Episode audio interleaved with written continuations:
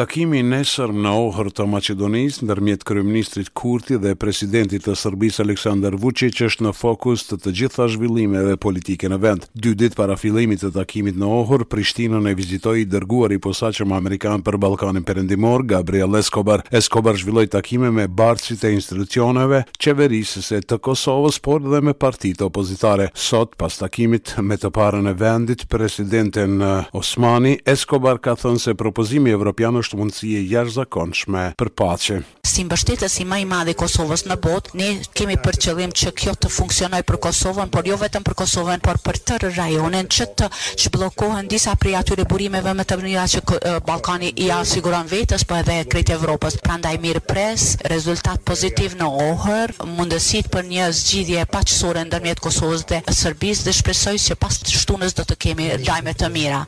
Në anën tjetër, presidentja Osmani beson në një marrëveshje të drejtë e gjithëpërfshirëse, ku dy vende trajtohen si dy shtete të barabarta si e vetmja mënyrë për të siguruar paqe afatgjate, stabilitet, stabilitet e prosperitet në rajon. Çdo tendencë nga Serbia për të penguar këtë rezultat nëpërmjet kushtëzimeve mund ta dëmtojë pastaj tërësisht procesin e dialogut. Pritshmëria ime si Presidente e Republikës është se marrëveshja do të sjellë rezultate konkrete të prekshme për Kosovën, rrjedhimisht do të sigurojë integrimin e Kosovës në institucionet. Euroatlantike, do të sigurojë integrimin gjithëpërfshirës të komunitetit serb të Kosovës në institucionet e Republikës. Osmani falënderoi partnerët ndërkombëtarë, Shtetet e Bashkuara të Amerikës dhe Bashkimin Evropian për angazhim të vazhdueshëm dhe proaktiv në këtë proces. Diplomati amerikan Escobar është takuar edhe me kryetarin e Kuvendit Glauk Konjufca dhe kryeministrin Albin Kurti. I dërguari i posaçëm i Shteteve të Bashkuara, Gabriel Escobar, të enjten në mbrëmje është takuar edhe me përfaqësuesit e opozitës, kreun e PDK-së, Memli Krasniqi, atë të LDK-së, Lumir Abdixhiku dhe nënkryetarin e AAK-së, Ardian Gjini. Ky i fundit pas takimit tha se temë e diskutimit ishte marrëveshja. Ardian Gjini për TV Klan Kosova ka deklaruar se qëndrimi i AAK-së është që marrëveshja e njëzet e shtatë shkurtit duhet të nënshkruhet, përderisa nuk dihet nëse ka ndryshim të qëndrimit të PDK-së rreth planit të propozuar të BE-së për dialogun. Kreu i kësaj partie, Memli Krasniqi, gjatë ditës së enjte, ka deklaruar për Kosova Press se nuk do ta votojnë marrëveshjen me Serbinë në Kuvend në formën e tillë siç është dakorduar në bazë të planit evropian. Kështu si është, kjo marrëveshje nuk mund të ketë mbështetjen tonë. Pa pasur një dakordim për sa i përket planit zbatimit, aneksit, që përfshihet në nenin njëmbëdhjetë, s'ka as marrëveshje fare.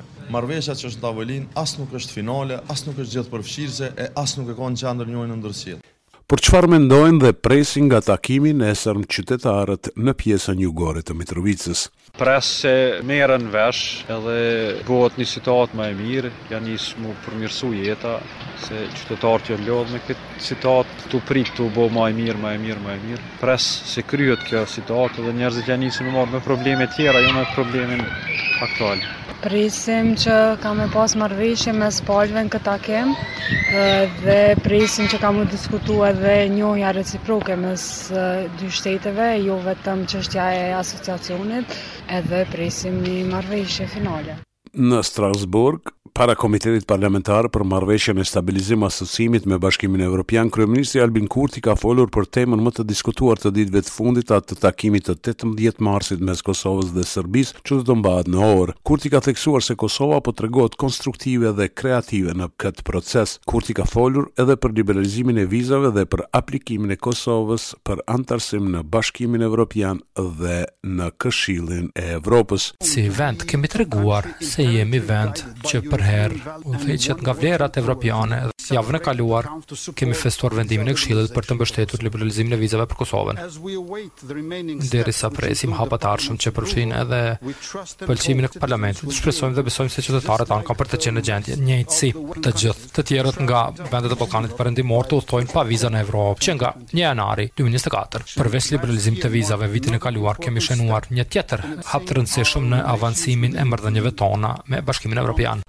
Partia Demokratike e Kosovës para pak orësh ka mbajtur mbledhjen e Këshillit Drejtues të saj në të cilën është diskutuar për situatën e fundit politike në vend dhe propozimin evropian të pranuar tashmë nga kryeministri Kurti. Kryetari i PDK-së Memli Krasniqi i ka informuar anëtarët e Këshillit Drejtues për takimet dhe diskutimet e shumta të ditëve të fundit me akterë vendorë dhe ndërkombëtarë në të cilat është diskutuar për aktualitetin politik. Në fjalën e tij, duke diskutuar për propozimin evropian, nënkryetari Krasniqi ka thënë se kjo marrëveshje është e pamjaftueshme dhe nuk realizon qëllime shtetërore të Kosovës dhe qytetarëve të saj. Nga një marrëveshje me njohjen e ndërsjellë në qendër, sot fatkeqësisht kryeministri Kurti i ka sjellë vendit një marrëveshje të përkohshme me Asociacionin në qendër, ka thënë kryetari Krasniqi. Më tej, kryetari Krasniqi tha se vetëm një marrëveshje finale dhe gjithëpërfshirëse, ligjërisht e obligueshme dhe e garantuar ndërkombëtarisht e përqendruar në njohjen reciproke ndërmjet Kosovës dhe Serbisë mundëson paqe të qëndrueshme dhe avancim konkret të integrimit euroatlantik të Republikës së Kosovës. Këshilli Drejtues miratoi pa asnjë votë kundër deklaratën e propozuar nga kryetari Krasniqi në raport me situatën aktuale politike dhe marrëveshjen finale mes Kosovës